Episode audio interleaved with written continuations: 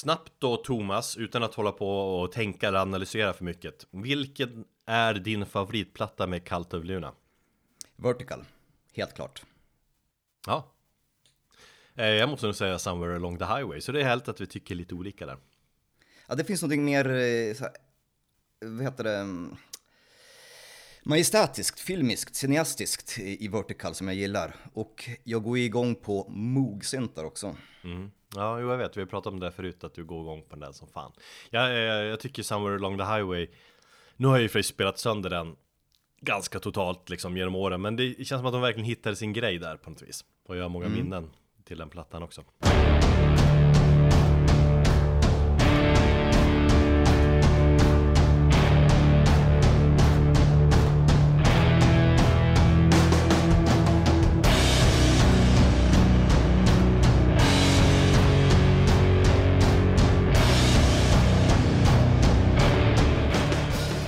Välkommen till Metalpodden avsnitt 130 Där vi intervjuar eh, Johannes Persson, mest känd som gitarrist och sångare i Cult of Luna Vilket är något av en eh, drömgäst för oss, eller hur Thomas? Ja, det har ju varit eh, på tapeten ganska länge va?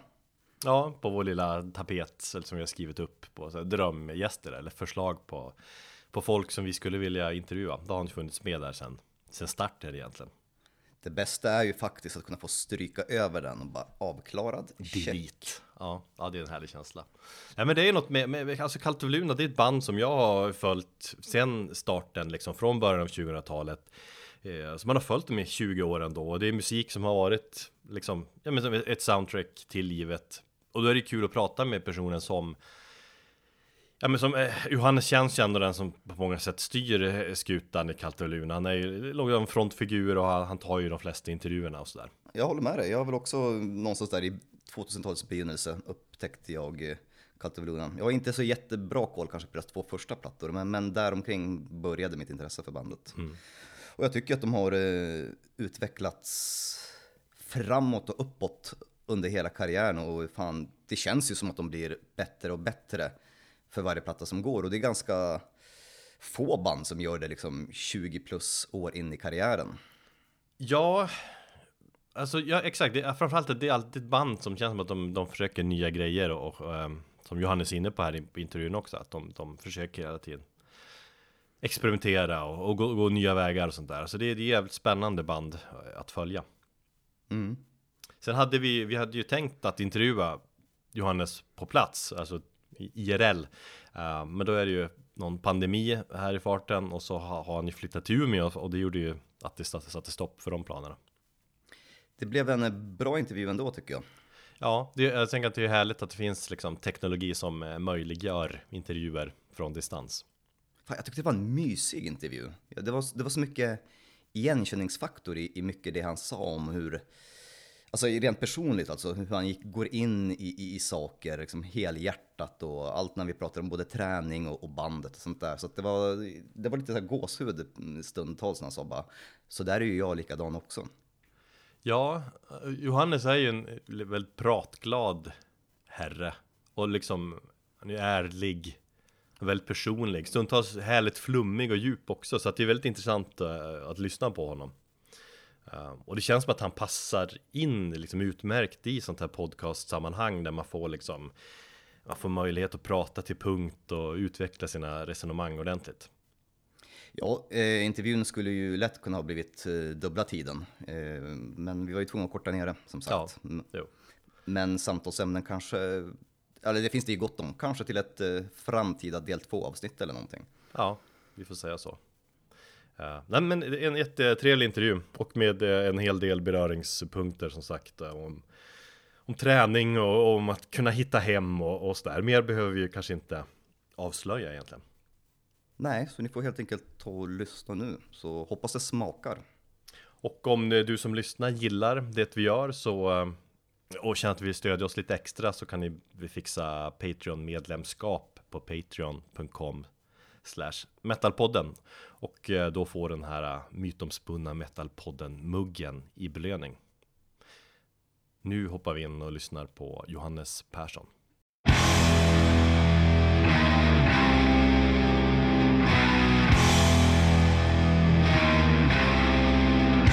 Du har ju kört en ganska så hård eh, promotionvända inför den här plattan vad jag har förstått. Eller du har ju berättat om att det var ganska körigt förra veckan. Jo.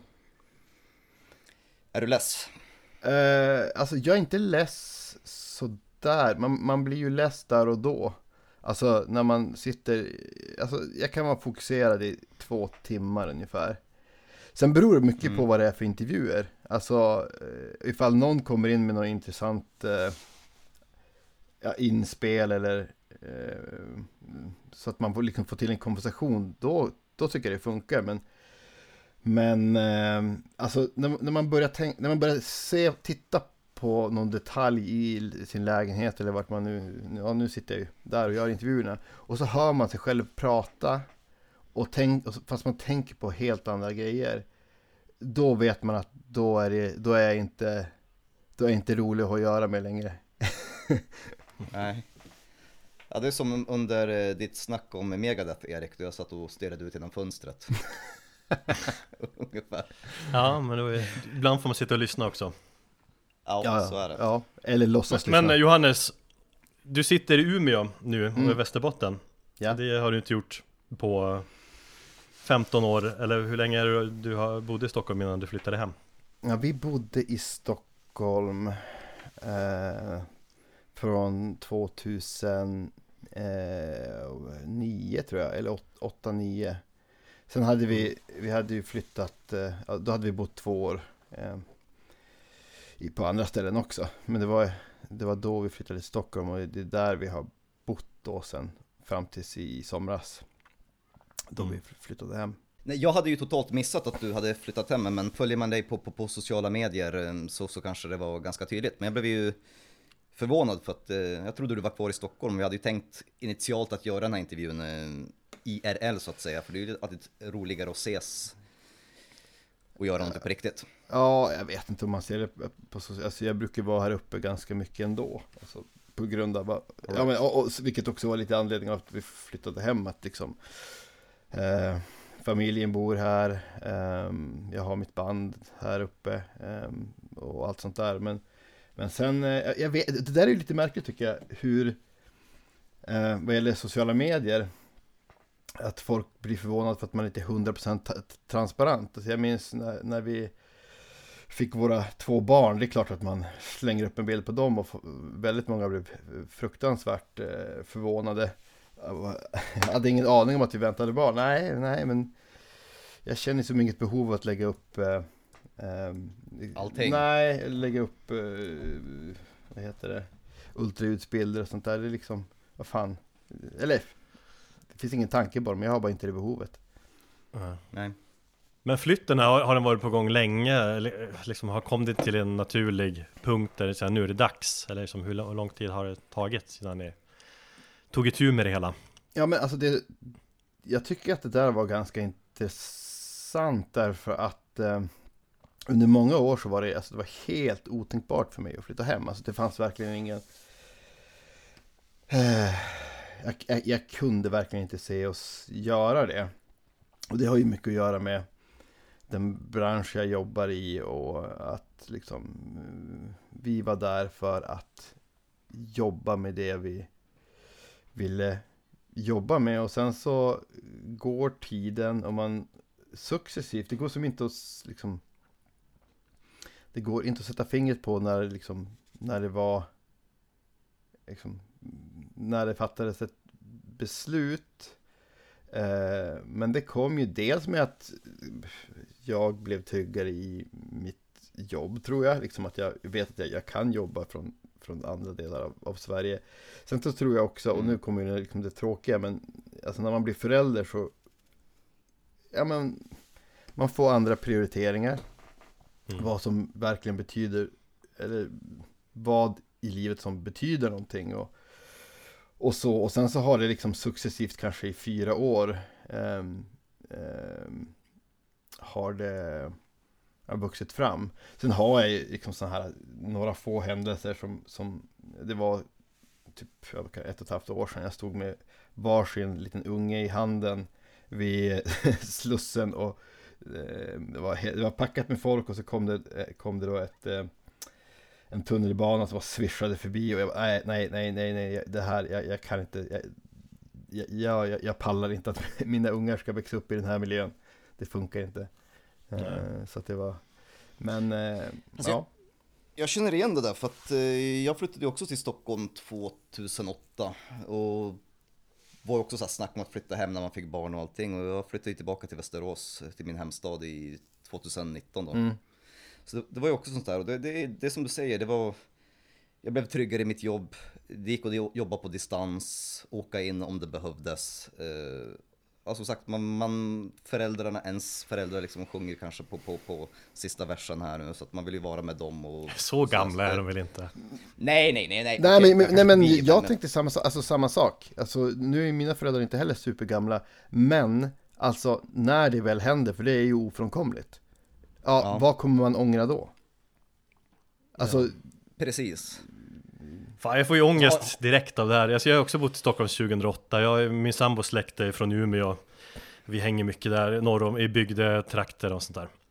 Uh, och jag kände nu i julas också att när vi var uppe i nästan två veckor att fan, det är, ja, det är fint här uppe också. Mm. Och speciellt när det är så värdelösa tider med coronatiderna och liksom man kan inte utnyttja det här nöjesutbudet. Det är mitt argument för varför jag vill bo i Stockholm och kunna gå på konserter och allting. Nu är det som att ja, då är det ganska värdelöst att bo i Stockholm. Ja. Jo, jo, jo, ja, alltså det, det medför ju inget mervärde sådär, men, men absolut, det, det är ju en grej i Stockholm som är, som är ett stort plus, men man är liksom i en annan plats i livet och är en konsert jag verkligen vill gå på, men då åker jag ner. Alltså jag, jag kommer ju vara nere i Stockholm ganska mycket när det här då klingar av. Eh, mm, jag jobbar ju mm. fortfarande i Stockholm och fortfarande kontor där. Så det är liksom inga, inga konstigheter. Och nu är det inte lika nära som Västerås, men sex timmar med tåg så är man ju nere. Jag kan ju liksom ta ett tåg på, på morgonen och vara nere vid lunch. Så det är, det är ja. inga konstigheter. Nej, jag förstår dig. Fan, ja, ja. Jag måste fundera också jag på säger det. Jag säger ju det Erik, lämna Stockholm. Det är onödigt att du är där. Jo men ni har ju båda flyttat hem. Du har flyttat hem till Västerås och Johannes du har flyttat hem till eh, Umeå. Det är inte mitt riktiga hem även om jag har bott många år där också. Det är Övik, men i Övik kan man inte bo. Där, kan man, där kan man verkligen inte bo. Nej. Det går inte. Men jag tänker om man kollar bara på bandet. Eh, bandet måste vi tjäna ganska mycket på att du nu återigen bor i, i Umeå och liksom att majoriteten av alla medlemmar bor väl kvar i, i trakterna. Ja, precis. Jo, det, det, har ju varit en, en, Det har ju verkligen varit ett stort plus. Nu kan vi ju faktiskt eh, för första gången på nästan 15 år eh, repa som ett normalt band. Alltså mm. Mm, tidigare så har det bokstavligen varit så att vi, vi har måste, vi har måste liksom suttit ner och alla är ju ganska aktiva utöver att eh, de flesta har bott i Umeå i alla fall så vet, spelar i andra band och haft annat för sig. Så vi har verkligen fått alltså, tvungna att sitta ner, eh, planera med sex månaders liksom, mm, ja, innan och sen när har vi helger som vi kan se. Alltså problemet med när man repar sådana här rephelger det, eh, det är det att man är ju produktiv ungefär två, tre timmar. Sen så orkar man inte mer. nu, nu kan vi ju sitta ner och eh, ja, men så här, träffas, repa i en och en halv timme och sen, ah, vi ses om ett par dagar igen. Behöver liksom inte jobba slut oss i huvudet sådär. Och sen så eh, nu när jag flyttade upp så har vi fått se till att liksom få, fått en repokal så vi slipper liksom rodda, köra grejer hela tiden. Så att nu, nu, nu kan jag åka till lokalen, jag kan sätta mig, jag kan trycka på on och sen är vi färdiga. Så, liksom, så är vi färdiga att köra. Mm. Eh, det är en jättestor fördel. Är det bara eh, Magnus som inte bor i Umeå nu eller? Uh, eh, framförallt är det Christian som bor i Norrköping. Uh, men det är liksom, det är, det är där han är ifrån. Och, mm. och han har ju liksom, av, av de som inte bor i Umeå så är han den som är kreativt mest uh, ja, betydelsefull sådär. Så det är ju tråkigt. Framförallt så här i coronatider då, då han, han egentligen bara ska vara hemma. Men, mm. eh, men vi jobbar utan honom och med honom så han är ju fullt införstådd vad vi håller på med och sådär. Så eh, ja, han, han får jobba på sin front sen så får han komma upp när, när, när det är passande. När vi tog kontakt med dig här strax in, innan jul och ja, ville styra upp den här intervjun så sa du att det var väldigt lugnt och säger man att, eller tar vi bort coronan då, så, så jobbar du ju annars som, som casting director, du har sambo och småbarn och spelar ett stort metalband. Hur får du tiden att gå ihop? Ja, det är inga, det är inga större problem. Alltså framförallt, framförallt nu eh, med corona. För grejen är som den att det har ju slagit ganska hårt mot min bransch. Eh, dock inte mot min del av den. För att jag jobbar ju med produktioner som liksom som kommer att ske i, i framtiden. Och då har folk varit ganska så optimistiska och har, de har ju fått det att funka också. Så att det var ju som inga, alltså de som jobbar liksom på set, de fick ju leva med att vissa, eller alla inspelningar eh, liksom stängdes ner under de här första, mm. första månaderna. Men jag jobbade ju vidare, därför att det, det som vi jobbar på kommer filmas senare och, och då har de ju liksom kunnat planera ut, ut efter den, den situationen och filma corona säkert och så vidare. Så att jag, det har ju funkat bra och jag behöver inte vara på kontoret. Vi jobbar ju mest med self-tapes och eh, istället för att provfilma själv. Så det är mer ett administrativt jobb än, eh, än kreativt och det är ju den stora nackdelen. Det är ju tråkigt va, men, men, men det uppvägs ju av den extra tiden som vi som jag har hemma, hänga med kidsen, eh, spela gitarr och ja, liknande grejer. Så, måste, det, det måste ju vara ett stort plus. Ja, det är ett stort plus. Det är fruktansvärt eh, lugnt just nu. Sitter mest och mejlar och pratar i telefon. Det låter ju som, som jag, ungefär. Ja. Men kan man säga då, i och med att, att du har mer tid, att det kommer kanske leda till att det blir mer musik framöver? Alltså oftare släpp och så? Ja, det tror jag säkert. Alltså, det har, eller tror, det, det, får vi det får framtiden utvisa. Men, men alltså jag, jag skriver ju alltid. Jag har ju aldrig haft någon, liksom, någon period då jag har liksom lagt ner den delen.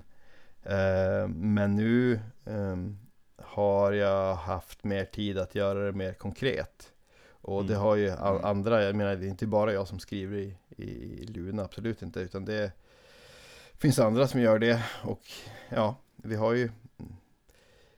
Ja men det blir mer tid över och vi kan ses oftare sådär. Så, det, det, det, är klart att det blir mer, mer, mer gjort. Det är ingen snack om den saken. Mm. Sen får vi se vad det utmynnar i i slutändan. Men det, det är ju en annan, det är en annan diskussion.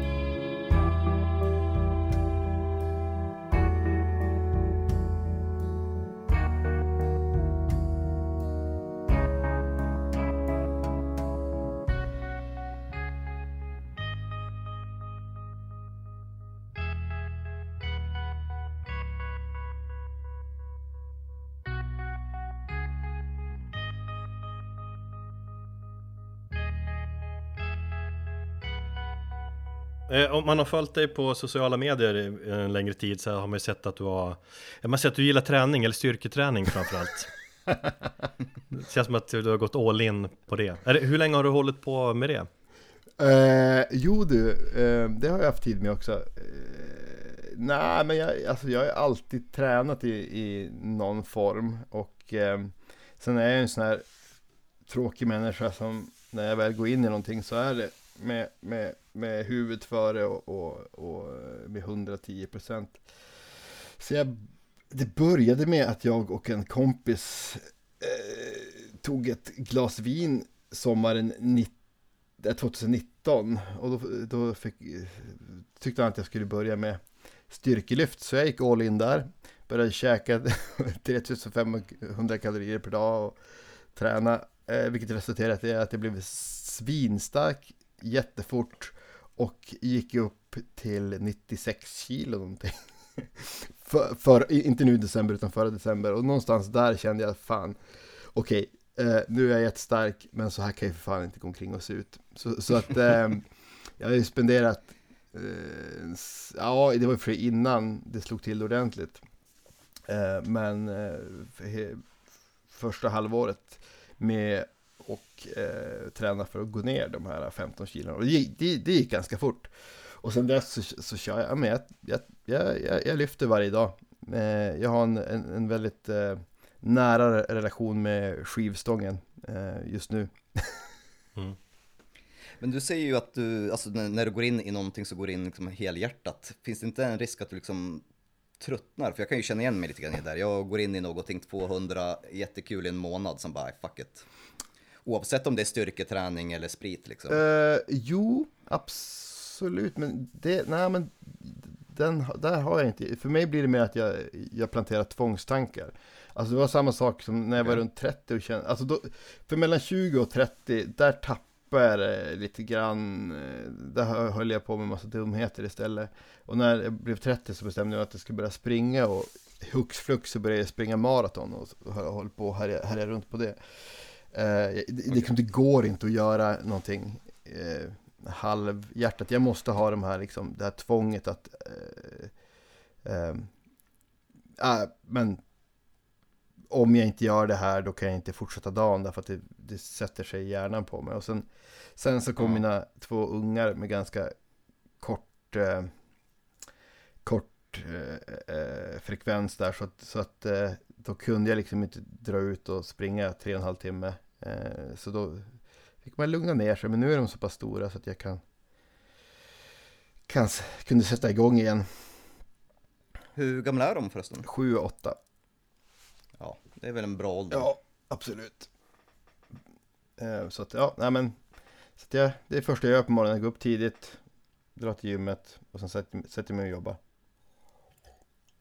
Men är du sådär eh, nitisk att du kliver upp fem på morgonen, äter gröt, kör, kör några marklyft och sen så börjar jobba? Ehm, det har hänt ganska ofta. Eh, Mm. det, men några marklyft blir det inte. Det blir, det blir väl en, en, en och en halv timme i alla fall.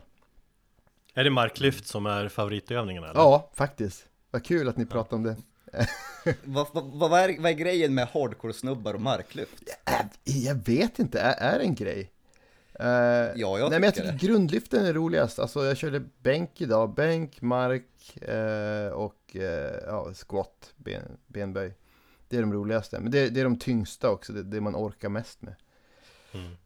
Jag har ju försökt köra, jag har ett gym här i garaget, försöker hålla mot målet nu tre, fyra gånger i veckan jag kör, men Mm.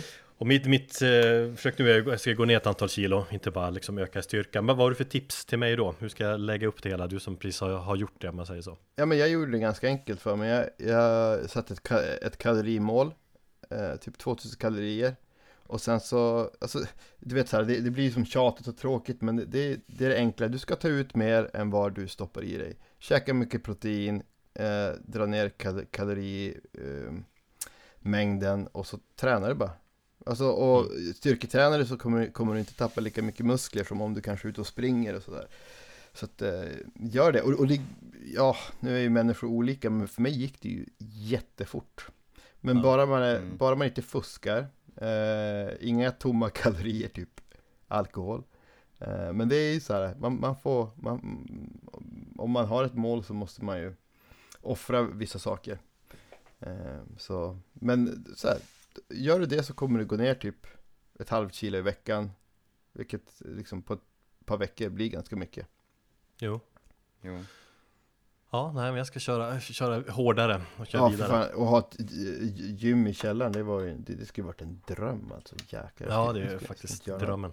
Ja, men för fan, det här, det här är, alltså, det- grejen är så här att jag har ju ett gäng som jag pratar det här med för att alla andra ska slippa höra det. För att jag vet ju hur tråkigt det är att höra om träning om man inte är intresserad själv. Och framförallt om, alltså så här, ja men du vet, det är folk som snör in på de här äh, cykling, modulärsyntar, eh, äh, löpning, äh, styrketräning. Ja, fruktansvärt tråkigt att höra för folk som inte är intresserade. Ja, ja, men pedalbord och allt sånt här nörderi. Eh, ni får välja om ni vill kapa bort hela det där snacket eller inte. Det, Nej, nej men absolut inte. Jag tror att, alltså vi är ju den åldern också här kring 40 där det känns att man, om man bara koncentrerar oss på träning, att det blir liksom aktuellt på ett annat sätt. Och vi försöker ju podden vara mer, ja men du och jag Thomas försöker he- hetsa, liksom, vi ska försöka vara mer hälsosamma, träna oftare, vi typ hashtaggar metal, promenad och lägga upp sådana händelser och sånt där. Och fjantar på. Men Ja. att, att liksom, man känner att vid den här tiden nu att nej, man kan inte hålla på och käka pizza och dricka öl jämt. Utan man måste hålla igång liksom om, man inte ska bli jätte, jättetjock. Nej, nej, nej, nej, verkligen inte. Och, och där handlar det ju om, när, när man väl har kommit igång, det är det som jag eh, går igång på. När man väl har kommit igång och har liksom hittat rutiner i sin vardag, då, om du börjar fuska, eller, eller det höjer ribban för mig för att börja fuska. För alltså, de perioderna då jag har slutat träna av olika anledningar, då har man, har man ju börjat leva som ett svin. Alltså då, då går pendeln åt andra hållet. Mm. Eh, Ja. Så att det, det är bara bra att sätta igång och, och kämpa sig igenom de första veckorna som är lite tråkiga. För, då, för man ser ju resultat ganska fort. Och då blir man ju eh, mindre benägen att, att, eh, att slänga bort det som man har liksom. Så framförallt så, framförallt så känner jag ju att som nu när man närmar sig, eller vi som närmar oss 40 här, eh, det är ju mest ett, alltså ett nödvändigt ont. Nu när man jobbar hemifrån och allting och sitter er, ergonomiskt dåligt och så, så, så beh- behöver vi göra det. här. Så att, eh, Ja men gud ja. Alltså, jag, jag gjorde det stora misstaget att kolla hur många steg jag gått nu i snitt. Det, alltså, det, det var, alltså jag fick panik och var ute och så gick jag ut i två och en halv timme. mm. Eh, för, för att försöka kompensera upp de här månader, må, månaderna av 3000 till 4000 steg per dag. Det är liksom inte, det är inte okej om du ska ha en fungerande kropp. Ja. Nej. Nej men fan, Men- träna på. Ja, ja, absolut. Vi, vi, vi, vi, vi, pe- vi peppar det här också. Wellnesspodden. Ja. Fan, ska vi snacka metal då? Det ska vi också göra, absolut. Vi kommer till det. Jag tänkte att du har pratat så jäkla mycket metal eh, säkert under den här gångna veckan. Så att, eh, det är kul att få veta mer om Johannes Persson som person också. Ja, ab- absolut. Ja, alltså, det- beror ju helt på vem man pratar med, vilka ty- typer av intervjuer man gör. Och, och, det där är väldigt regionalt eh, skiftande. Alltså folk som folk från Sydeuropa har ju en tendens att eh, eh, istället för att göra intervjuer så drar de jättelånga abstrakta utläggningar om din musik som du sen kan egentligen svara ja eller nej på. Och helst ska du svara ett ja så du kan bekräfta deras tankar. Eh, så ja, nej, det där är en historia i sig. Ja, vi, har, vi har inga sådana långa teorier, men en personlig fråga här då som du får välja, på, välja att svara hur mycket du vill på. Men eh, det var ju någon podcast här nyligen som du berättade att du hade en eh, ADHD-diagnos. Ja, ja visst. Eh, Det, ja, det var nyheter för mig då. Eh, Men jag tänkte att hur har det påverkat dig som musiker? För du fick väl eh, den ganska sent va?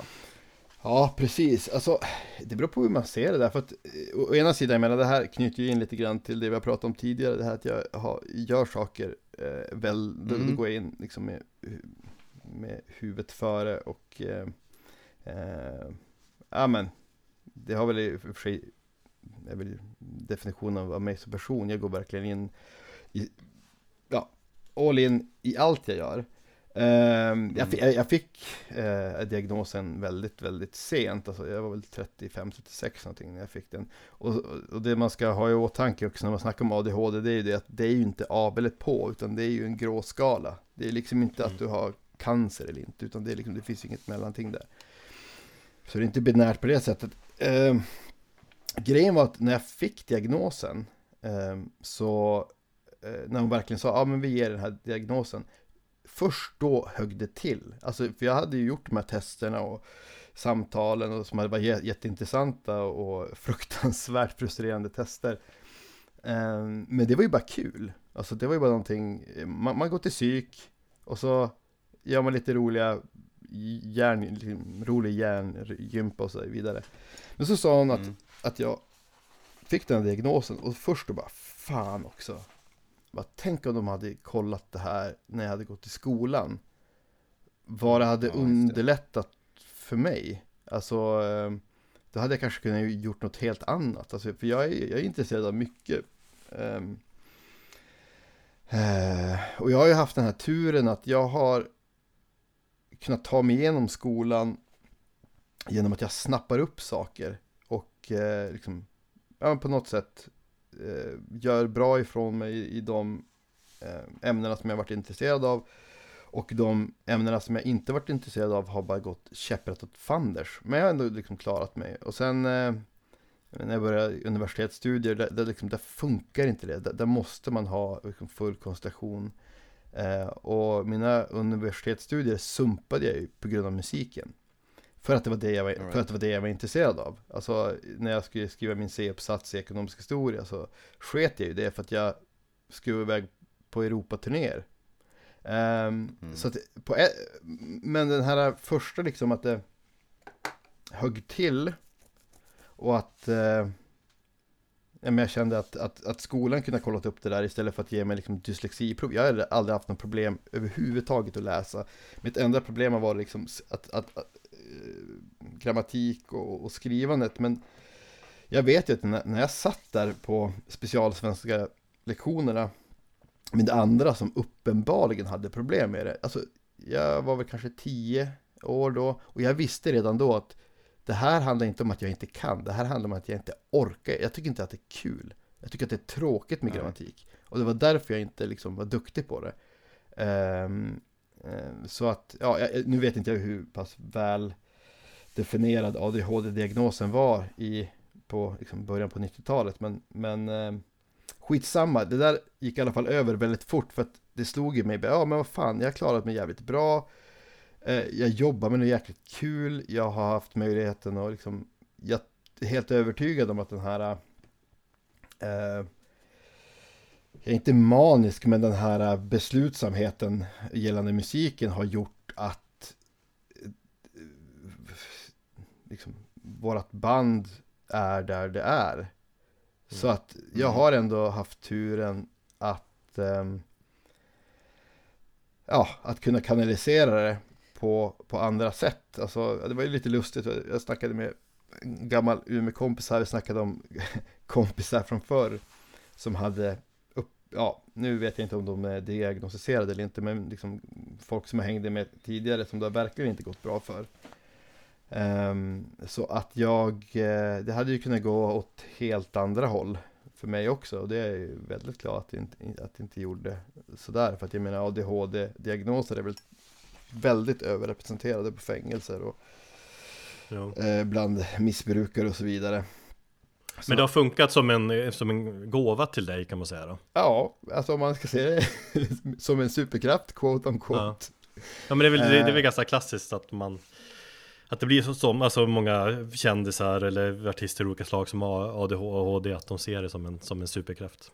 Ja, jag vet fan, det där, jag hatar det där ordet. Men, men absolut, alltså, andemeningen i det stämmer ju absolut. Sen, sen som sagt, som jag sa i början, alltså ADHD är ju en gråskala och jag menar, ja. jag, jag har ju aldrig haft problem att liksom fungera i möblerade rum på det sättet. Men jag har både har och haft, framförallt haft ett, ett temperament som kanske inte har varit jätteroligt och, och vare sig leva med eller ja, både utifrån mitt perspektiv och människor som har levt omkring mig. Eh, och mm. Det finns ju kvar eh, delvis, men, men man är ju gammal och har väl lärt sig att lägga band på sig någorlunda. Ja, vilken jävla igenkänningsfaktor, jag kanske borde kolla mig själv. Ja, det, det var faktiskt... jag, jag, har ju en, jag har ju en nära vän, inte dig då Thomas, men en, en annan som fick sin ADHD-diagnos ja, i tidigare Förra året, 39 bast. Uh, och det förklarar så mycket. Man kände direkt, ja det är klart att han har en, en ADHD-diagnos. Och han kände som en väldigt stor lättnad också, för han förstod sig själv mycket bättre. Och så var det inte så för dig också, att du liksom en viss lättnad då, att du kunde liksom förstå att varför du har tänkt och liksom hur, hur du har fungerat under livet. Ja, absolut. Det mest intressanta med det där var ju att jag, jag fick sitta med en, och gud, nu vet jag inte vad yrkestiteln är, men en, är en neurolog, eh, en person som, som eh, rent fysiskt eh, kan hjärnan väldigt bra. Hur som helst, jag satt med en man som satt och jag fick beskriva situationer, hur jag reagerar på det och så vidare och så vidare. Och han kunde liksom förklara att ja, men din hjärna fungerar så här och i sådana här situationer så fungerar det liksom så, så reagerar den på det här sättet på grund av det här och det här och det här. Och det här. Och det var ju fruktansvärt intressant. Sen måste jag bara lägga en brasklapp dock då, för att jag, jag, jag kan uppleva att folk som har den här diagnosen och andra diagnoser, dels så kan det liksom bli en identitet för folk. Eh, och dels Jo. så kan jag uppleva att, att man använder det som ursäkt för visst beteende. Och det kan man aldrig göra. Man är fortfarande 100% ansvarig för, eh, för hur man beter sig, vad man säger, hur man säger och så vidare. Och eh, är det någonting som jag gör ideligen är ju liksom att ber folk om ursäkt om jag har liksom brusat upp eller sagt något jävligt dumt. Fråga mina barn bara. alltså, Ja. där kan det ju, alltså, Ja, var, var inte ett, var inte ett röv, rövhål om du har ADHD helt enkelt. Nej. Ja, det är helt klart. nej men du får, alltså, så här, du, får, du får inga free passes, inte från mig, jag är tolkningsföreträdare, så fuck you. Alltså, du får, Ja. du beter dig, det är inte svårare än så. Men jag tänker, du, du som du nämnde här lite tidigare att du kanske har haft så mycket självkännedom eller varit lyckligt lottad beroende på hur man vill se på det, att du har liksom kunnat kanalisera kanske den här diagnosen i form av musik. Vissa är ju kanske inte, har inte lika mycket tur och istället då kanalisera det här i form av destruktivt beteende. Gud ja. Men det hade du kanske du också har en erfarenhet av innan du liksom Jo, Vad är, vad, är, vad är skillnaden mellan liksom, någonstans så mognar man ju också. Jag kan ju också säga att jag var ju lite grann av en douche när jag var 20 till 30. Och sen så när man blir 30 så kommer man till insikter och sånt. Vissa grejer kanske man växer ifrån, vissa grejer växer man upp och inser. Det tror jag definitivt. Jag tror, jag tror mycket handlar också om eh, eh, alltså, det, alltså, det är svårt att prata om sånt här, eh, sånt här för att det är lätt att man gör sina egna erfarenheter till liksom eh, allmänna liksom Sanningar. ja, Mm. precis. För att jag menar, men för mig i alla fall tror jag att det handlar väldigt mycket om att man bygger upp en självkänsla och, eh, eller ett självförtroende eller vad det kan vara nu. Jag, så här, jag behöver inte ha sista ordet hela tiden. Alltså, eh, tidigare, alltså jag, jag vet hur det kändes i kroppen, det här kan ha varit tio år sedan, när man såg någon skriva något dumt på Facebook. Och bara, jag måste reagera. Och så, om jag tvingar mig att inte göra det, alltså jag kunde inte sova. Alltså det, det, det, bara kröp i kroppen. Nu, jag orkar bara inte. Jag orkar inte. Och jag menar, det, det, var det kommer ifrån, det vet tusan. Men, men eh, jag, jag kan släppa saker mycket bättre nu än vad jag kunde tidigare. Ehm, Mm. och så vidare. Men jag funderar på mycket för att jag umgicks i kretsar där det liksom förekom väldigt tunga droger och jag har ju folk eh, i min nära, nära släkt som har åkt dit på eh, ja, tungt beroende av tunga substanser och det är så jäkla märkligt att jag inte gjorde det. Och det där har jag ju verkligen liksom funderat på eh, hur det kan komma sig. Eh, och det, en, det, liksom det enda jag kan som det enda någorlunda rimliga svaret jag kan komma fram till det är ju liksom att dels så tror jag att min ADHD-gen eh, var positiv där för att jag hade ju bestämt mig att jag skulle vara alltså 100% drogfri. Alltså jag var ju straight edge fram tills jag jag vet inte tusan, men jag, men jag drack ju inte ens alkohol tills jag var 20, ja början på 21, 22, 23, jag kommer inte ihåg, tiden går så fort.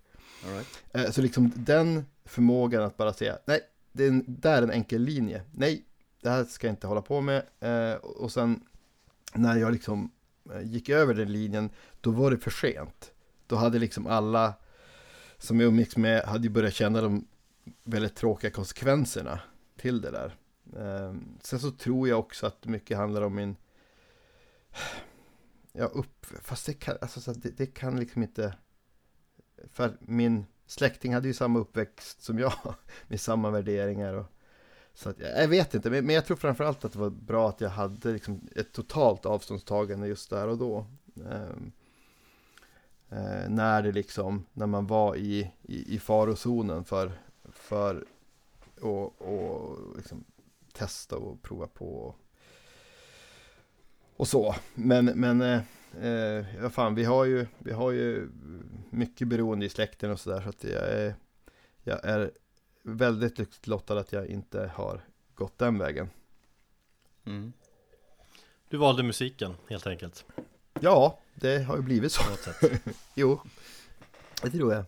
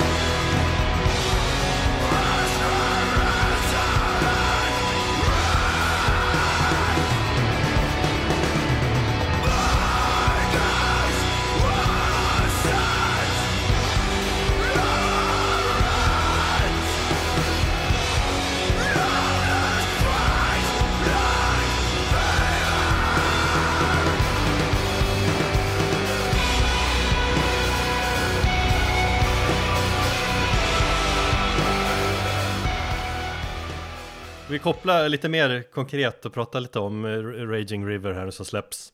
Är det 5 februari? Ja, just det. Uh, titeln syftar delvis på Umeälven om jag har förstått rätt. Hur har du förstått det?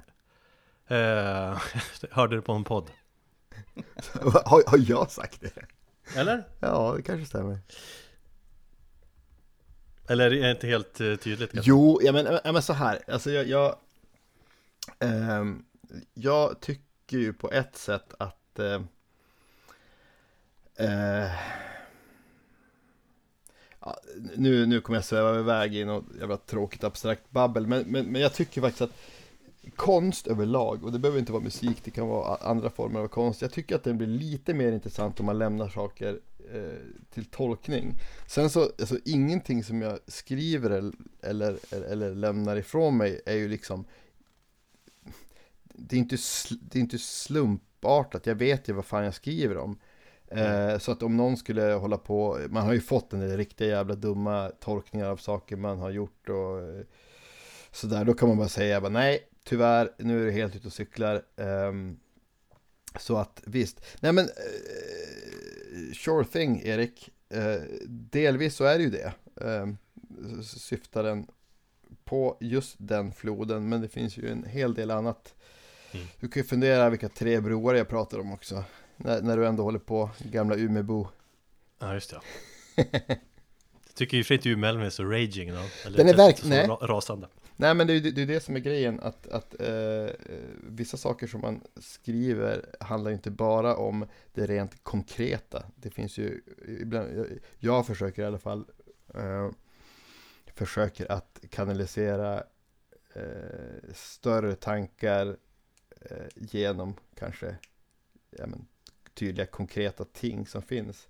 Att, mm. någon, mm. att någonting kan vara våldsamt behöver naturligtvis inte vara en, en, en forsande flod. Vi håller inte på med 80-tals musikvideos här då allting ska, ska, ska visas i bild.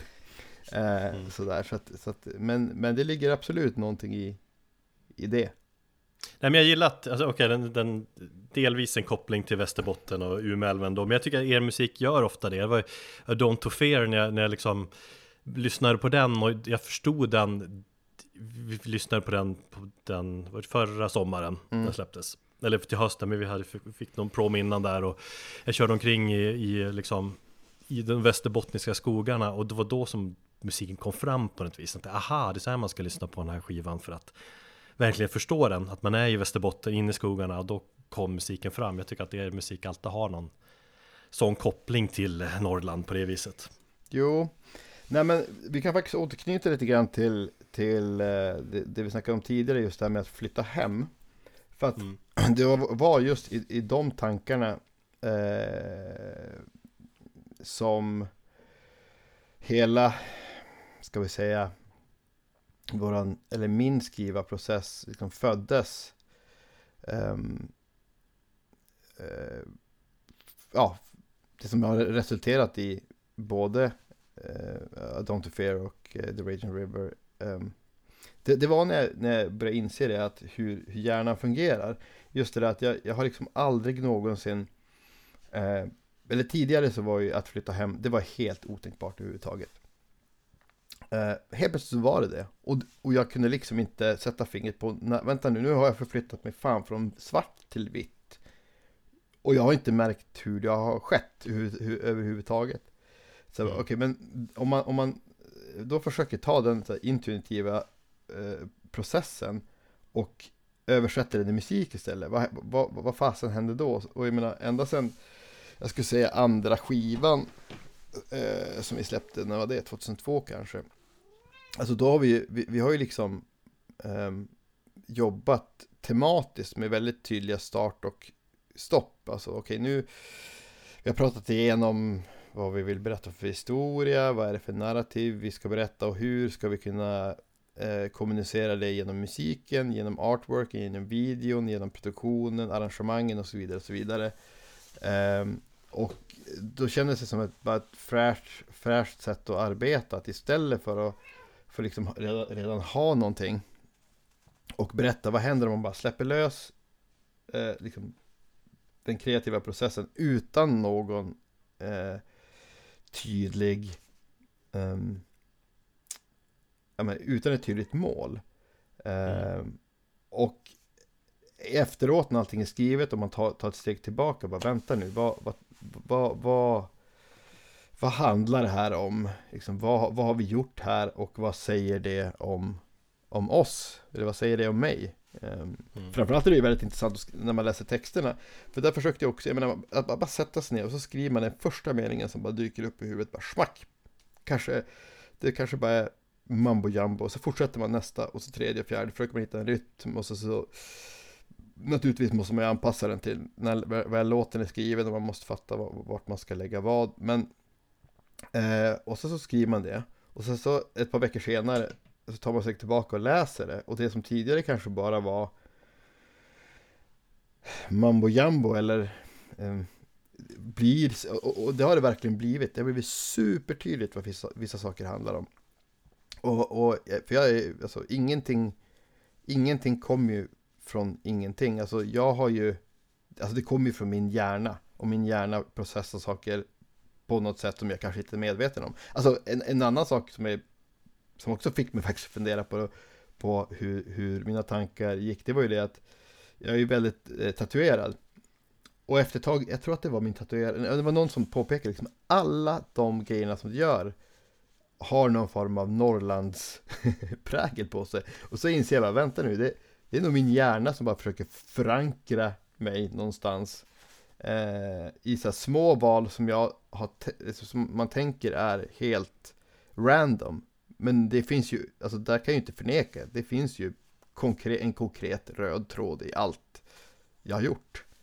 Um, mm. Så, um, och, och, och detsamma blir det när man skriver texter eller musik och därför tror jag inte att du är helt fel ute när du säger liksom att det att eh, eh, kanske finns någon form av västerbottnisk eh, aura i bristen på bättre ord eh, i, ja. i det vi har gjort sen, sen dess.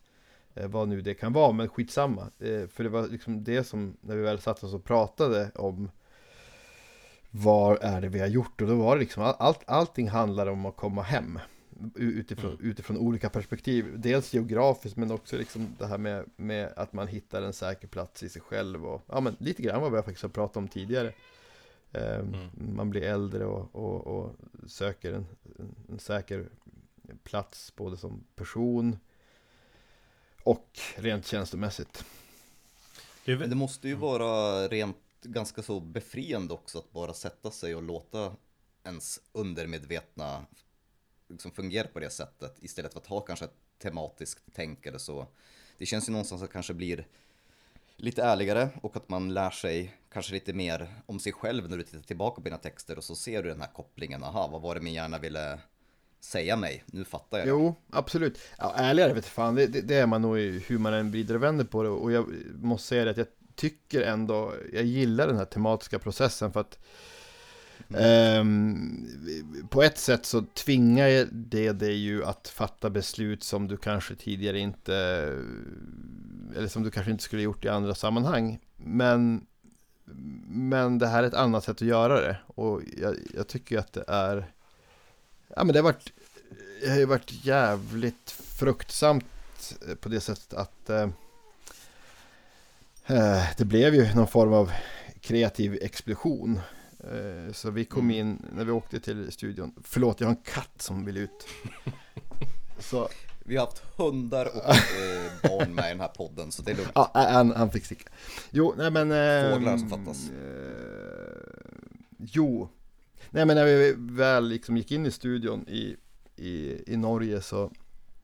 I, på den lilla ön Giske. Ni kan googla Ocean Sound Recording. Vilken studio! Helt fantastisk. Eh, men när vi då kom dit så hade vi jättemycket musik. Betydligt mer än vad som hamnade liksom på, på, på, på den skivan. Um, och lite av det som faktiskt uh, hamnar på den här EPn då. Mm. Um, för att man, ibland, ibland, när man går in i studio så, så Alltså när man skriver så Man känner ganska omgående om någonting kommer funka eller inte. Liksom, jag slänger bort 99 100 saker, jag, eller riff jag skriver och idéer. Men ähm,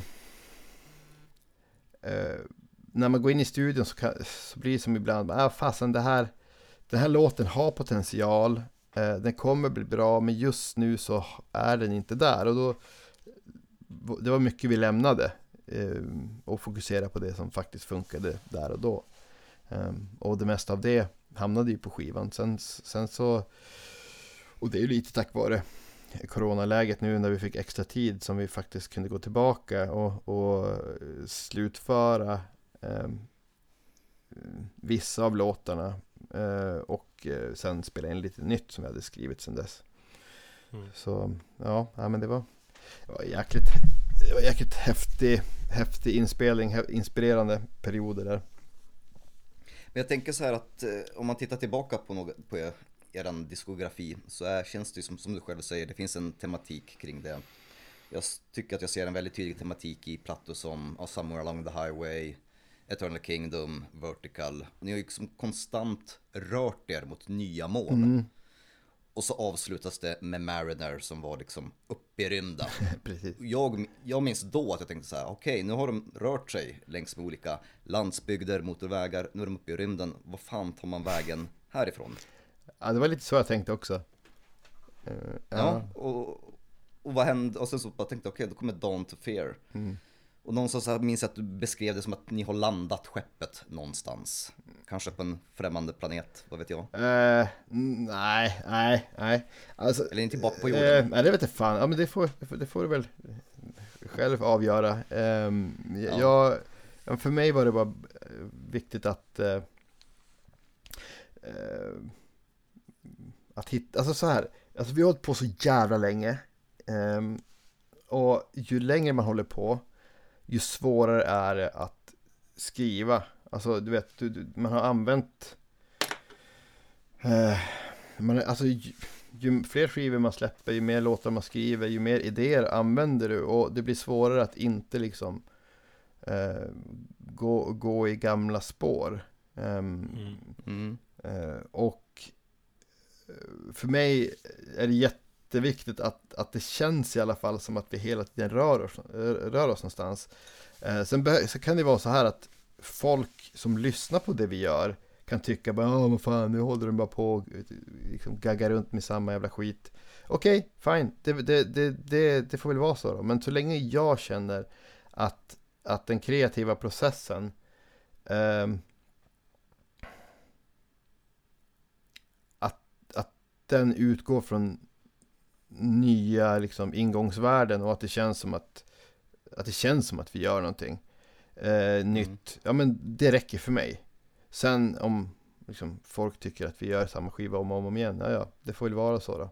Men, men eh, det känns nytt och fräscht fortfarande. Och jag måste säga att liksom den, den processen som vi satte igång då, eh, som sen blev I Don't To Fear, eh, den, är ju, den fortgår ju nu. Alltså det, Mm. så att vi får väl se hur länge eh, vi håller, liksom, hur länge vi håller på, hur länge vi or orkar förnya oss. Ehm, ehm, men eh, alltså det är, fort, det är ju- fortfarande, ja, för- förlåt. Nej men jag har ju lite en annan tolkning än eh, Erik när det gäller just The Raging River och jag kanske kommer koppla lite mer till låten Three Bridges men någonstans när jag också lyssnar på den fantastiska singeln som, som ni släppte där på YouTube och hade premiär på ehm, känns det som någonstans en brygga mellan ett Cult of Luna som har varit och ett Cult of Luna som kan komma att bli som kanske ett område som ännu inte är outforskat eller utforskat. Ja, men det är det ju de facto. Alltså, det, det är ju det. Alltså, vi har ju, Mm. som jag sa, alltså, ehm, eh, vissa av de här låtarna var ju skrivna eh, liksom under samma period som A Dawn to Fear och vissa blev, kom senare. Så det är ju de facto en brygga mellan det här och vad nu händer, vad som kommer hända här framme, framöver. Eh, och det får vi, får vi ju se vad det blir för någonting. Det är som sagt, är Har du, har du någon aning om vad det kan tänkas bli själv? det är det som är grejen. Vi är ju mitt i den där processen då man inte riktigt vet vad tusan man håller på alltså, Nej, är sant. Så att jag, jag tror att du får fråga mig igen om ett år. Eh, För jag har liksom inte, jag är inte, jag är i jag är i skriva random meningar eh, av det hela nu. Jag har inte, jag har inte haft tid att liksom ta ett steg tillbaka utan det, det tror jag att Nej. Eh, det har jag ju knappt gjort eh, vad gäller de här låtarna. Det, det är så lustigt när, när jag gör intervjuer nu med folk som har hört hela EPn och kommer med specifika frågor. Jag, bara, jag, har, ju- jag har inte lyssnat på låtarna på veckor. Jag kommer knappt, jag vet ju att jag kan spela dem, men jag, liksom, jag, har, jag har dem inte i färskt minne. Jag, jag brukar göra så att man lyssnar, på, man lyssnar på låtarna så, så mycket innan man spelar in dem och så spelar man in dem och så lyssnar man på mix efter mix efter mix. Och så får man till slut slutmastern. Okej, bra. Då är vi klara med den. Då går jag vidare. Och så lyssnar inte jag alls på den. Och det är inte heller en så här medvetet bes- beslut. Jag, bara, jag, bara, jag har inte jag har inte den eh, jag har, jag har inte det behovet och jag behöver dessutom lite distans. Annars så lyssnar man bara på liksom eh, saker som andra inte lyssnar på. Det är det som är så jäkla mycket bättre att lyssna på musik när man inte har skrivit låtarna själv. För då lyssnar man helt liksom, på en helhet. Här kan, alltså, jag, jag kan ju fastna i liksom, gitarrspår eller oj, vad är det där för ljud? Vart kommer det ifrån? Som folk inte tänker på överhuvudtaget. Och jag, jag vill gärna hamna där så att jag försöker få lite distans till våra låtar och, och Mm. eh, min, min liksom, mitt lyssnande på dem. Jag tycker det är så intressant den här vad ska man säga, abstrakta processen som, som finns när, du- när du skriver låtar där, när du, som du försöker beskriva men, men samtidigt så svårt att förstå, jag är mer så här i det här modet du är nu där du skriver ny musik Du säger att du, du sitter ofta med, med gitarren och så Alltså hur du skriver dina låtar mer konkreta, sitter du bara nöter fram det var, hittar du inspiration från? Liksom börjar du med ett riff eller liksom en känsla? Liksom, hur går det till när du ska liksom skriva Kallt och Luna musik? Det har jag alltid varit liksom, nyfiken på. Ja du. Uh, Vars början? Ja, vars början? Nej men alltså det, det är faktiskt väldigt, eh, väldigt uh, anno, eller det, det, kan skilja sig ganska mycket. Alltså, jag menar jag sitter ju med gitarr ganska ofta och vet, man skriver riff efter riff. Jag menar allting låter ju för fan likadant. eh. men för mig handlar det om att först och främst, alltså ett sätt då, som det kanske är det mest vanligaste, det är att jag skriver någonting där man hör ett tydligt eh, Gud, vilket dåligt ord, men skitsamma. Eh, som ett groove, ett, e- en egen, som en, eh, en egen rytm, så att säga. Eh, och då vet jag bara, okej, nu, nu har jag det här. Nu, nu, kan jag, nu, nu kan jag bygga vidare på det. Alltså, Mm. eh, det, här, det här kan vi lägga liksom i högen av, av, av idéer som kommer bli någonting och som kommer bli någonting bra. Eh, och sen, sen använder jag det som, som, eh, som referens till allting som, som kommer efter. Eh, och, men det kan även vara, jag menar, jag, som många andra musiker, man är ute och går så bara Pop, så poppar det upp någonting i huvudet på mig och så måste jag nynna in någonting på, på, på inspelningsfunktionen på mobilen och så åker man hem och så gör man det så inser man att det var inget bra. Men ibland är det, ibland, ibland händer det saker. Mm. Eh, men, men, men, som vi jobbar, de har gjort de senaste tio åren, då har det som varit att vi har, som sagt, det är inte bara jag som skriver, eh, men när vi skriver eh, så, så har eh, jag varit ganska noga med att spela in, liksom bara göra grova skisser på datorn.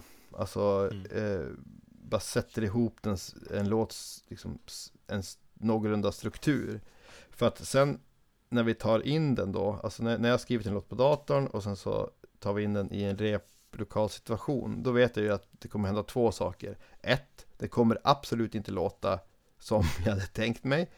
Eh, och två, det kommer alltid låta bättre. Ehm, så, så, så är det alltid och det beror ju på att jag har ju förmånen att spela med så fruktansvärt duktiga musiker som liksom tar ansvar för sin olika del och liksom det här bandet är definitivt en, liksom en, en produkt av alla, eller vad säger man, en summa av alla produkter, så är det kanske. Um, mm. Att, mm. att allas input färgar låtarna på ett sätt som den eh, liksom inte skulle gjort om den personen inte var med.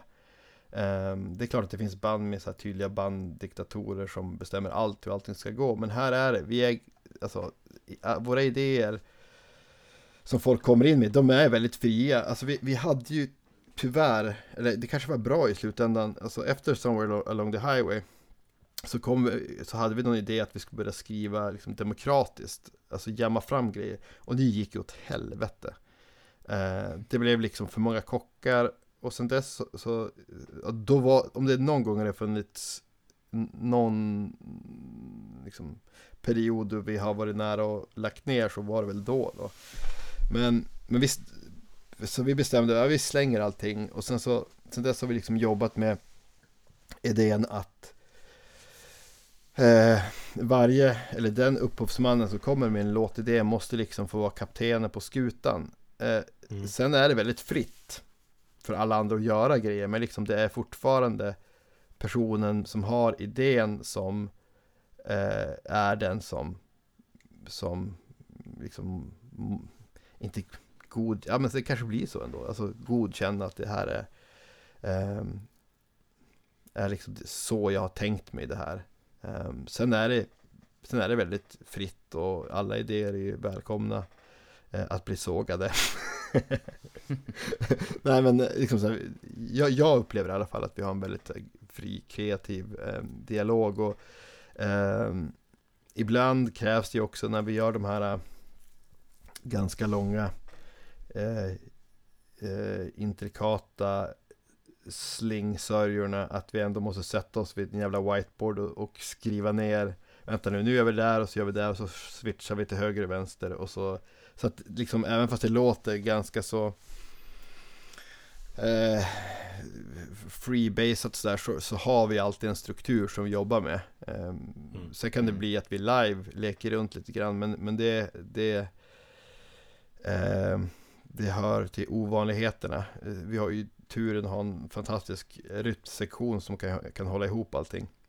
Så. Jag tänker ju på Thomas Hedlund som Alltså lägger du på programmerade trummor också innan du presenterar och skickar vidare? eller hur? Natur... Eller är det bara gitarrer? Naturligtvis gör jag det och ser att ja. han ska spela exakt sådär Det känns som att han har en sån unik stil och en stor del av soundet ja, så att det, måste går, bli... det går ju inte att, alltså Thomas trumspel går ju inte att Går ju inte att eh, återskap, inte av mig i alla fall. Eh, men, men, men, däremot, alltså, det handlar mer om att man vill tydliggöra en intensitetsgrad i trummorna kanske. Ja men så här har jag tänkt här och så här har jag tänkt där. Det blir lättare för honom att liksom skriva sina grejer utifrån det.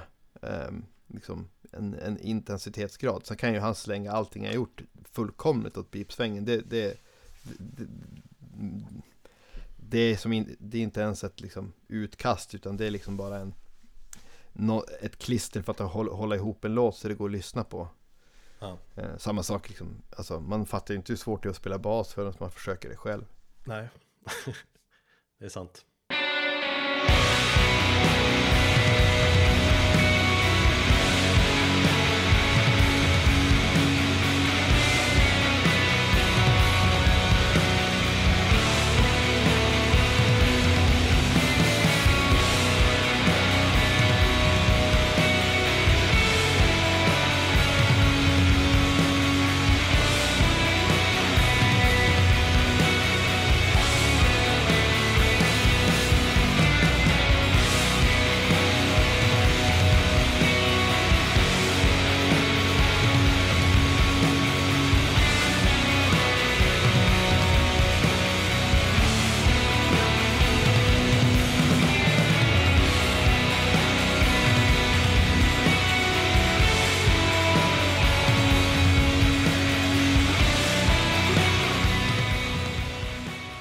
Har ju Mark Lanigan som gäst på The Raging River. Ja, Och det tog ju 15 år för er att hitta modet, som du själv skrev i pressmeddelandet, att fråga honom. Eh, Det tog fem år för oss att få modet att fråga dig om du vill vara med. Så inte lika långt, men, men nu är vi här. Eh, Hur kommer det sig? Liksom, och hur var det att ha med honom? ja alltså det, där, det var intressant. Eh, nej men som du nämnde där, jag, jag, eh, jag har ju varit ett jättestort fan av honom eh, under många, många, många år. Alltså, det är klart att man hade ju hört, jag var ju aldrig något så här fan av Screaming Trees och Mad Season och, och allt det där. Men, ehm, så, så att jag, skulle, jag skulle inte säga att jag, det låter lite tråkigt, men jag upptäckte honom på riktigt då när han gjorde eh, Songs for the Deaf med eh, Queens of the Stone Age. Och sen så Mm. upptäckte jag hon, hans, liksom, hans eh, solo eh, soloskivor efteråt. Och, och eh, den här skivan Bubblegum, jag tror den kom 2004 eller 2005 Alltså den har jag ju lyssnat på religiöst nästan, den är helt Ja, den är, så jävla bra. Ja, men den är, den är ju, det, det finns skivor och så finns det de, de som ändå Det här med topplistor är svårt alltså, men den, den, den är ju definitivt Om, om jag skulle vara tvungen att göra liksom en livstopplista, den, den, den är med, den ska med på något sätt. Mm. Ehm, eh, Och hans röst är ju eh, Ja men det finns sångare och så finns det de här eh, Som har en röst som ingen annan har. Eh, och han är ju en av dem. Eh, Jag tycker definitivt han bör liksom nämnas i samma andetag som både Leonard Cohen och, och Tom Waits liksom. Men skitsamma, eh, året efter det så gjorde vi ju skrev vi Somewhere, Somewhere Along the Highway och det hade vi en låt, um, And With Her Came the Birds. Och när vi skrev den så, så gick, gick den under Mm. Lanigan-låten. Eh, men, men, men det var ju liksom, det var ju bara en fantasi bland några 20 plus eh, kids liksom. Det var ju inte, det fanns ju inte på kartan att man skulle våga fråga. Vi, vi, vi skulle inte ens ha en aning om vart vi skulle kunna vända oss överhuvudtaget. Alltså det var ju, det, ja men, det var bara en kul, kul fantasi. Eh, sen så gjorde, gjorde Mm. ju Fredrik den väldigt, väldigt bra i alla fall och det var ju kanske lika bra. Men så hade vi ju ett gäng låtar här som eh, från, från eh, eh, inspelningssessionen i, i eh, från Ocean Sound eh, och när vi diskuterade de där låtarna hur vi skulle gå vidare med dem, hur, hur vi skulle liksom jobba med dem så ja, det bara poppade upp i mitt huvud, bara fan, nu kanske det, är det nu vi ska fråga, eller nu ska jag fråga Mark om han vill göra det. Och så nu kommer den fruktansvärt tråkiga aspekten. Så jag, jag eh, skickade ett sms till vår manager. Hälften på, hälften på skoj, hälften på allvar liksom. Känner du någon som jobbar med Mark?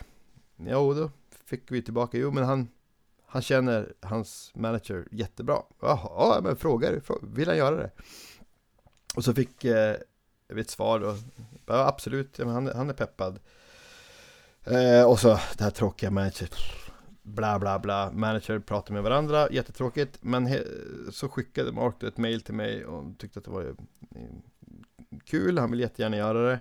Och så just då hade jag så jäkla mycket att göra i mitt liv och jag ville verkligen skicka ett bra mail tillbaka med liksom eh, Du vet Respektfullt och sen det, det är som knepigt Ja. Man har ju inga, man har ju inga liksom idoler kvar sådär Men det är ju en person som man respekterar väldigt, väldigt mycket Eh, så att det tog, mig, tog väl mig en vecka kanske att svara på det där mejlet och då skrev jag liksom ja ah, men vad kul att du vill göra det, betyder jättemycket för oss. Eh, eh, vill du skriva texten eller ska jag skriva texten? Eh, du är förstås helt fri att göra precis som du vill men men eh, så här, det här är några idéer som jag har. Eh, ja, men gör som du vill helt enkelt. Och han, han mm. svarar ju samma kväll tror jag. Ja, nej men, eh, jag, har red, jag spelade in låten samma dag som jag fick den. eh, jag kan tyvärr inte göra några retakes för att vi har rivit studion, jag har flyttat ifrån huset, jag har inte tillgång till e-mail som min kompis ska skicka låten senare ikväll. Eh, hoppas ni gillar vad jag har gjort, gillar ni inte så, ja, jag tyckte det var kul att göra, liksom, göra det här i alla fall. Eh, ha det bra, Mark, typ. Eh, och eh, så skickade jag hans kompis då, eh, vad fan är han heter? Eh, Earth-killen. Eh, Dylan Carlson? Nej, nej. Vad Ja, Dylan, ja, ja, nej men jag vet inte ja, vad Ja, nu, nu, nu, det lät som, kan, kan det vara en höger, en höger nyhetsuppläsare på Fox? Ah, skitsamma. ja, han i alla fall, han skickade det där. Och eh, när man eh, lyssnade på det där och så tänkte man, men nej men du, tack, du behöver inte ta några retakes, du kan riva den där studion, det är lugnt. Um, så på den, den vägen var det. Uh, Mark kan ju uh, inte, med den där rösten så är det svårt att göra fel så att säga. Mm. Men det är lite mm. läskigt det där också, skicka, gör någonting på det här, alltså riskabelt att ni inte har kontrollen, att det kan bli vad som helst egentligen. Ja, Jo, det, det, det är ju en sån där detalj som är lite knepig. Det är ju samma sak som när vi jobbade med Julie i Mariner. Mm. Vi hade låtarna, hade ingen aning om hur de skulle låta i slutändan. Um, och uh, ja, men vi har väl haft tur då, två gånger. Då, då det har funkat ja. svinbra i slutändan. Um, men på ett sätt är det lite skönt också, bara lämna ifrån sig någonting Eh, till att börja med, man lämnar inte ifrån sig till, till någon random dude eller dudette. Både Julie och, och, och, och, och Mark har ju liksom de har ju eh, egentligen ingenting att bevisa och vi hör ju av oss till dem av en anledning. Att vi mm, liksom mm. respekterar vad de gör och liksom, ja, älskar vad de gör egentligen. Så att, då måste man ju ställa en följdfråga där också. Vad, som, har ni några fler drömmar om, om, och planer om fler samarbeten framöver? Mm, När det har gått så bra med de här två om man säger så. Det, det, det, är en fråga som jag fått ungefär 300 gånger den här veckan. Ja, det kan jag tänka, tänka mig. Sorry. Nej, men det är lugnt, men det, det, det, är, en, det är en rimlig följdfråga. Uh, nej, men det, alltså, det funkar inte riktigt så, utan uh, Dyker det upp en idé så kommer det dyka upp en idé när det väl gör det. Alltså, jag har ju jag har gjort en del samarbeten eh, de senaste åren.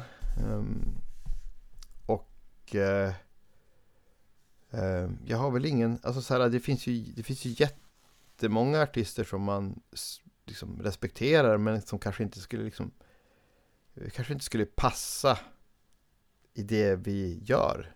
Alltså, mm. sen finns det förstås ja, några som det skulle vara svårare, svårare än andra att säga nej till. Men, men det måste ligga en, alltså det måste finnas en, en kreativ beröringspunkt mellan det vi gör och med personen som, som eh, eh, frågar, eller som, som, som skulle kunna vara aktuell då.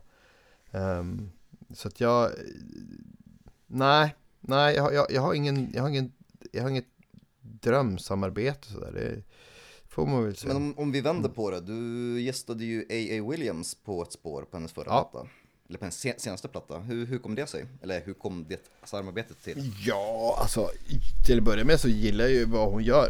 Um, ja, hon är ju fantastisk. Absolut, och sen så sen blir det ju så enkelt när vi har ju turnerat med henne, uh, med Alex. Just det. Uh, så mm.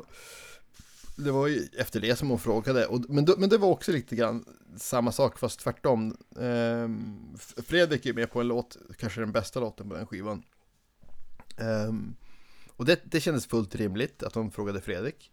Uh, mm. Men alltså när, när hon frågade mig så då sa jag verkligen, alltså är, vill du verkligen det? Alltså så här, det, det jag gör, alltså det, jag menar rent instinktivt så känns inte som att eh, ja men så här, det känns inte helt naturligt att, att, att det skulle funka. Och eh, så, så där var jag tve, eller så här, jag, var, jag var tve, jag gör det ju gärna. Men te, så här, det är helt lugnt om du ångrar dig. Det är helt lugnt om du liksom, väljer att fimpa den här idén. Jag, jag, det finns ingen liksom, finns ingen prestige hos mig på det sättet. Eh, men tycker att det funkar så absolut. Jag, jag hjälper gärna vänner när jag har tid och möjlighet. Så, där, så. Så jag kan ju tänka mig att det finns etablerade band som kanske får förfrågningar från mindre kända band om att bli gästade på. Tänk dig om man skulle då få ett erbjudande och låten är så jävla dålig. Mm. Jo. Jag, jag har stött på sådana tillfällen där, där artisterna har fått så här, ja men det här kan inte jag vara med på. Bara, hur ska jag snällt säga? De är ju fan av oss. Ja, alltså jag... Jag, må, jag måste ju dissa dem på något snällt sätt liksom. Ja du, det där har jag ju mycket erfarenheter av. Uh, uh, alltså jag får jättemycket förfrågningar. Det, det, det får jag. Alltså det är, det går ju inte en vecka utan att antingen att någon vill, lyssna, att, vill att jag ska lyssna på deras musik eller vill att jag ska gästa på deras eh, deras ja, låtar. Grejen är så här att jag, jag det har blivit ganska enkelt att tacka nej nu därför att nu har jag gjort så jäkligt mycket det senaste året eh, med mm. andra artister. Dels så har jag, liksom, jag har skrivit en hel liksom, 60 minuter musik med, med James Kent med Perturbator och eh, så har jag gjort ja, alla de här jag har gjort gästinhopp på A. Williams, jag är med på en låt på Bosks nästa skiva. Jag har spelat in en låt med något jäkla konstigt drone-projekt och så har jag gjort något, jag, jag kommer inte ens ihåg allting jag har gjort men det, men det är mer. Och nu, jag vill bara kunna fokusera på på det jag gör nu ett bra tag här framöver. Så att nu säger jag i princip nej till allt. Um, ja. Men, men med det sagt, jag menar, det, alltså, det ska man liksom inte sticka under stolen med att om något jätteintressant eh, skulle dyka upp eh, så kanske jag liksom skulle känna att det var värt att lägga ner eh, den tiden det tar. Så ja, nej, jag, jag ska faktiskt, eh, jo men fan, jag ska faktiskt lägga lite sång här i den här veckan. På... Ja, du sa att du skulle in, ut och studioskrika. Just det, just det, det ska jag göra. Och det, det, det, är, det är lite, det är lite, en till katt som ska ut. Så. Uh, jo, nej men det, fast det projektet är lite mer mitt eget också. Uh, det, är fan en, det är en låt som jag har skrivit till en annan artist. Uh, så att mm. det kändes ju lite mer motiverat så att säga. Mm. Right. Men om vi koncentrerar oss det här med samarbetet med James Kent. Det var ju planerat att du skulle uppträda med honom, alltså med Perturbator på förra årets Roadburn. Är tanken att det uppträdandet kommer liksom bli av när, om, om Roadburn blir av igen någon gång? Jo, men det är det. Um, mm. Det var ju, alltså det var ju tanken att, skulle, att vi skulle spela de låtarna fan, uh, i april. Mm. Eh, och det är, oh, gud, ärligt talat så var det ganska skönt att vi fick lite mer tid på oss. Alltså låtarna var klara sådär, men jag hade, vi hade båda liksom turnerat. Jag kom hem från USA i mitten på mars och jag hade varit borta från familjen ganska länge. Och så skulle man liksom bara landa och så dra vidare och repa och ja, få till det där. Ehm, så jag tror att det var för projektets bästa att det blev uppskjutet. Nu verkar det inte bli någonting i år heller. I alla fall nej, inte nej. på det sättet som, som vi behöver. Eh, men så vitt jag vet är tanken att, att, att eh, och det vet jag ärligt talat inte. Ibland, jag menar, vissa frågor så ljuger jag ju bara för att jag inte vet. Eller för, jag vet fast jag vet att jag inte får säga det. Men jag vet faktiskt inte exakt hur, var och när eller om eh, det blir av. Men jag förutsätter att det blir det. Jag menar, och sen om vi leker med tanken och det hoppas jag för allt i världen att det liksom att Roadburn liksom ställer in.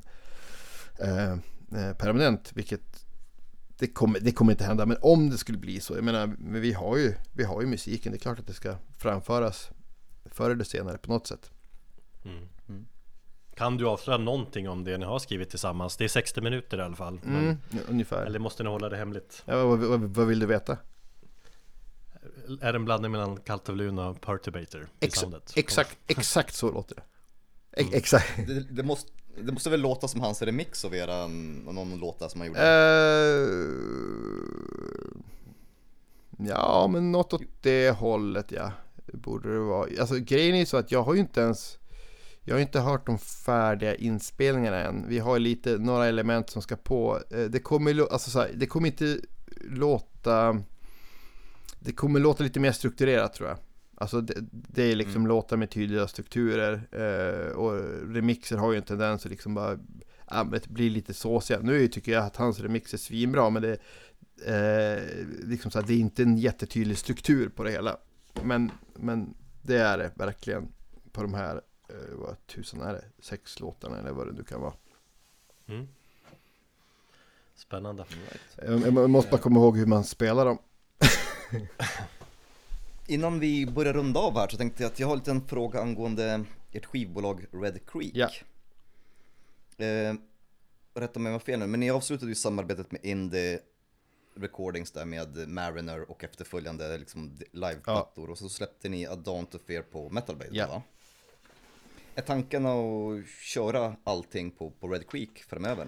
Det får vi se. Alltså, eh, vi ligger fortfarande på, på Metal Blade, så nästa skiva kommer komma ut där. Eh, så är Okej, det. mm. Sen får vi se hur det funkar liksom. Det, det, kommer ju bli någon form av utvärdering, både hur det funkar med bolaget, eh, för det är ju en annan sak som jag har spenderat fruktansvärt mycket tid eh, på. Och direkt vi lägger på här så ska jag sätta mig och eh, momsregistrera vårt bolag i England, för det måste man göra nu med Brexit och så vidare. Så sådana enormt Ja, Ja, alltså, det. Egentligen vill man bara att den där djävulsön ska sjunka ner till botten av Nordsjön. Man slipper ha att göra med det där. Ehm, men eh, icke så. Det, det, det ska jag göra. Eh, ja, men vi får väl göra någon form av utvärdering och se hur det funkar. Eh, och jobba med externa bolag och hur det liksom har funkat eh, med att jobba med, med Red Creek. Då. Grejen är ju den att, att, att det har varit ett jäkla jobb och det, det tror jag inte vi skulle haft tid med att göra om det inte hade varit liksom att den här extra tiden vi hade fått för att just det där att, att bygga upp distributionskanaler och eh, alltså de här eh, grejerna du behöver göra en gång. Alltså dels all administration vad gäller bolag men även Mm. eh, lära sig att eh, vilka koder som ska präntas in och eh, mekaniska royalties och skapa en webbshop och testa den så inte den går åt helvete när folk ska in och, och, och betala och alltså och bråka med Paypal eh, som är ett stort eh, intresse jag har just nu. Eh, så så, så eh, det hade jag ju absolut inte haft tid, tid med om jag hade haft ett normalt liv och suttit på kontoret istället. Det, det hade varit, eh, ja, det hade inte gått. Men eh, ja, det är ju, det har varit inte, Ja, intressant. Vi har väl en hel del att eh, tänka igenom där Erik, Mm. här framöver med våra framtida projekt. Ja, jo. Så man inte hamnar i den där jävla sörjan. Ja. Men Raging River släpps exklusivt då via Red Creek om jag inte tar fel. Precis. Eller är det, Eh, ja. Men, men vi har även vi, vi har ju hjälp av både Season of Mist och eh, Ja. Metal Blade med di- distribution.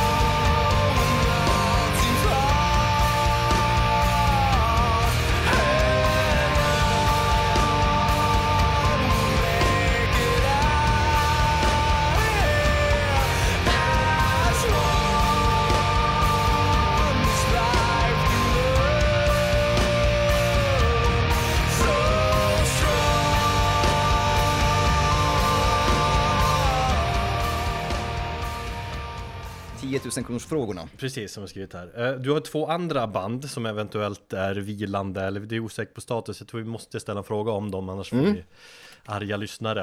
Eh, Så vi kan börja med, med Koma. Vad är status med det bandet? Har du något? Vad fan är status egentligen har du skrivit? Ja, men eh, ja. Eh, det vi, hade, väl- vi, vi listade ju, vi tog fram, eller förra avsnittet, Sveriges bästa osignade band. Och ett band som hörde av sig som ville vara med, de skrev att, någon av dem hade pratat med Jan Jämte och sagt att ja, men de är på gång. Ja. ju Alltså, eh, Koma har har väl varit en, en döende patient eh, ganska länge som just har börjat få puls igen. Eh, men, men, men, det, men, men det här döende patienten har fått puls lite nu och då och sen så har, har, har, det- har, det, gått tillbaka igen. Men nu tror jag ändå att eh, de har fått igång den någorlunda. Sen, ja men vad fan, vi, vi, vi, liksom, vi, har- vi har jobbat på eh, lite sådär och, och eh, ehm, Ni håller det- kontakt i alla fall. Ja, gud ja. Jag tror jag fick ett, ett sms eh, av Janne under tiden vi satt och spelade in här faktiskt. Så att vi, vi, vi, håller, vi håller kontakt. Eh, och vi, vi, vi har väl börjat jobba på grejer. Sen får vi se hur lång tid det tar. Eh, jag menar, vi måste ju kunna synka det här med våra liv och eh, eh men vad fan, någon gång, alltså jag, jag lovar i alla fall, innan nästa Tool-skiva, då kommer det här kommit en komma-skiva på något sätt. Jag såg att nästa år är det tio år sedan ni släppte någonting med Koma. Sjukt Ja. nog. Ja, och den räknas, ju, den räknas väl inte heller. Det var ju bara en massa B-sidor, tror jag. Ja, just det. Eh, Ja. Nej, det, det var också, ja, nej, vi har spelat in jättemycket musik med, med, med, med Koma under de inspelningssessionerna vi har haft. Så, så att det där var, ja, nej men den, jag tänker inte ens på den som en skiva faktiskt. Men man har också fått lite känslan av att inspelningsprocessen, eller den kreativa processen med just er i koma inte alltid är den lättaste. Nej, nej gud nej, nej fy fan. Uh, nej, det, det, det är ju så, alltså man, Uh, det har varit ganska tufft tidigare. Uh, Även fast vi i princip är samma människor. Det, det är väl att vi har de här variablerna, Jan och Johannes, som kan ibland ryka ihop, både kreativt och... Men jag vet inte fan, det var ju som sagt, det var ju tio, ja, tio år sedan. Det var väl en eh, 13 år sedan vi var i studion ihop senast. Så det kanske, det kanske, vi har kanske vuxit någonting sedan dess. Eh, Rycker ni ihop fysiskt också? nej, det har vi aldrig gjort.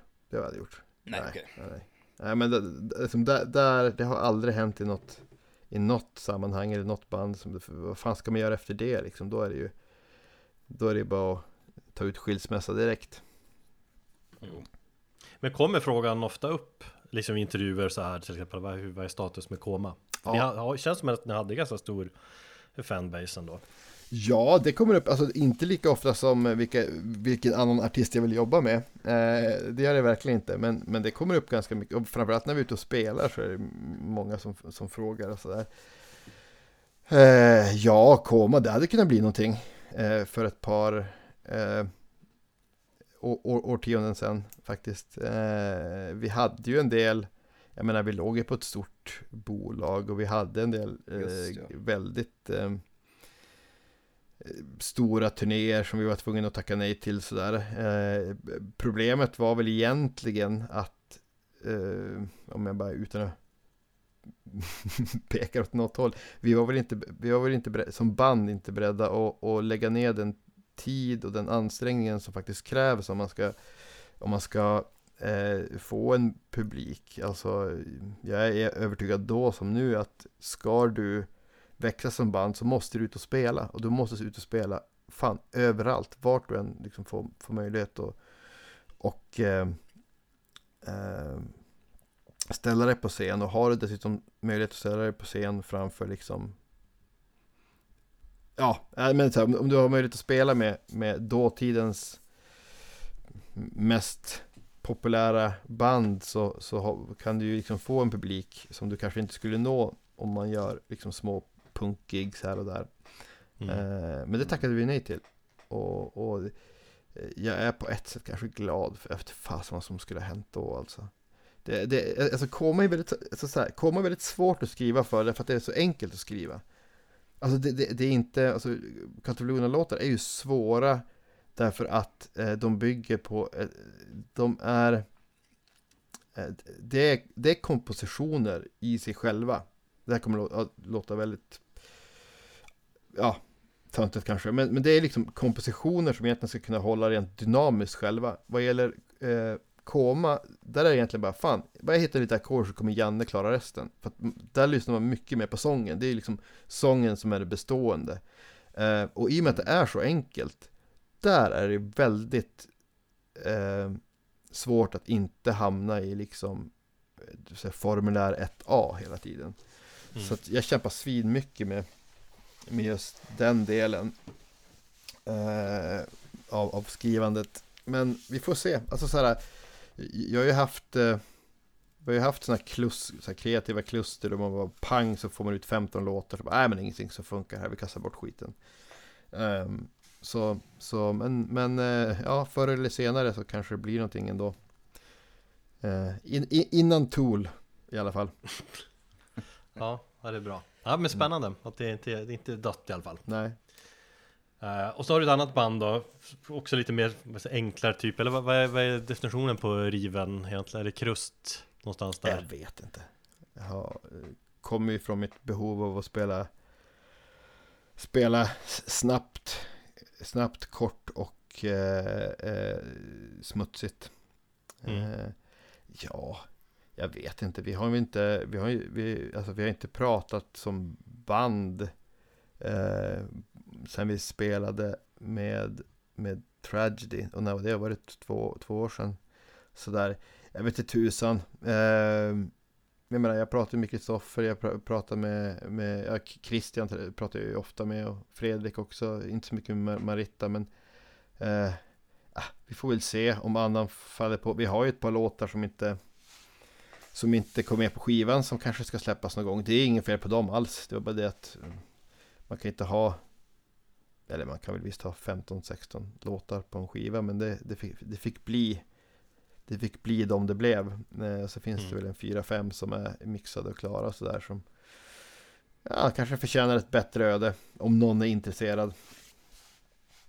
Men om det, när du tar upp guran och spelar ofta och skriver något riff, känner du då liksom, ah men det här, vet du, den här låten, det här är ju mer riven högen jag lägger det här till och det här är, alltså att du och kastar grejer till koma låtar också, eller? Ja, men jag, jag, jag måste nog sätta mig med, med en tydlig eh, ja men så här tydlig tanke vart i, i, vilken liksom låda det ska hamna om det ska hamna i koma eller Kaltfluna högen. Sen har det ju faktiskt hänt att saker, när jag varit i, i Kaltfluna mode, att det har blivit koma-grejer av det och eh, vice versa.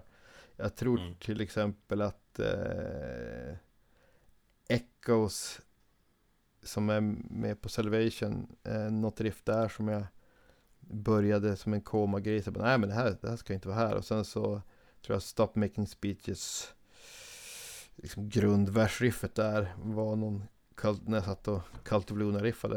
Eh, Men det, det är de enda gången jag kan komma att tänka på då det liksom har missmatchat. Och det var ju många år sedan. Men då Thomas, eh, det tog lite längre än en timme, som vi sa. Ja, ja, det brukar göra det när jag babblar på. Ja. Tack eh, Johannes. Tack så och, fan. eh, ta hand om dig. Ja, men detsamma, detsamma.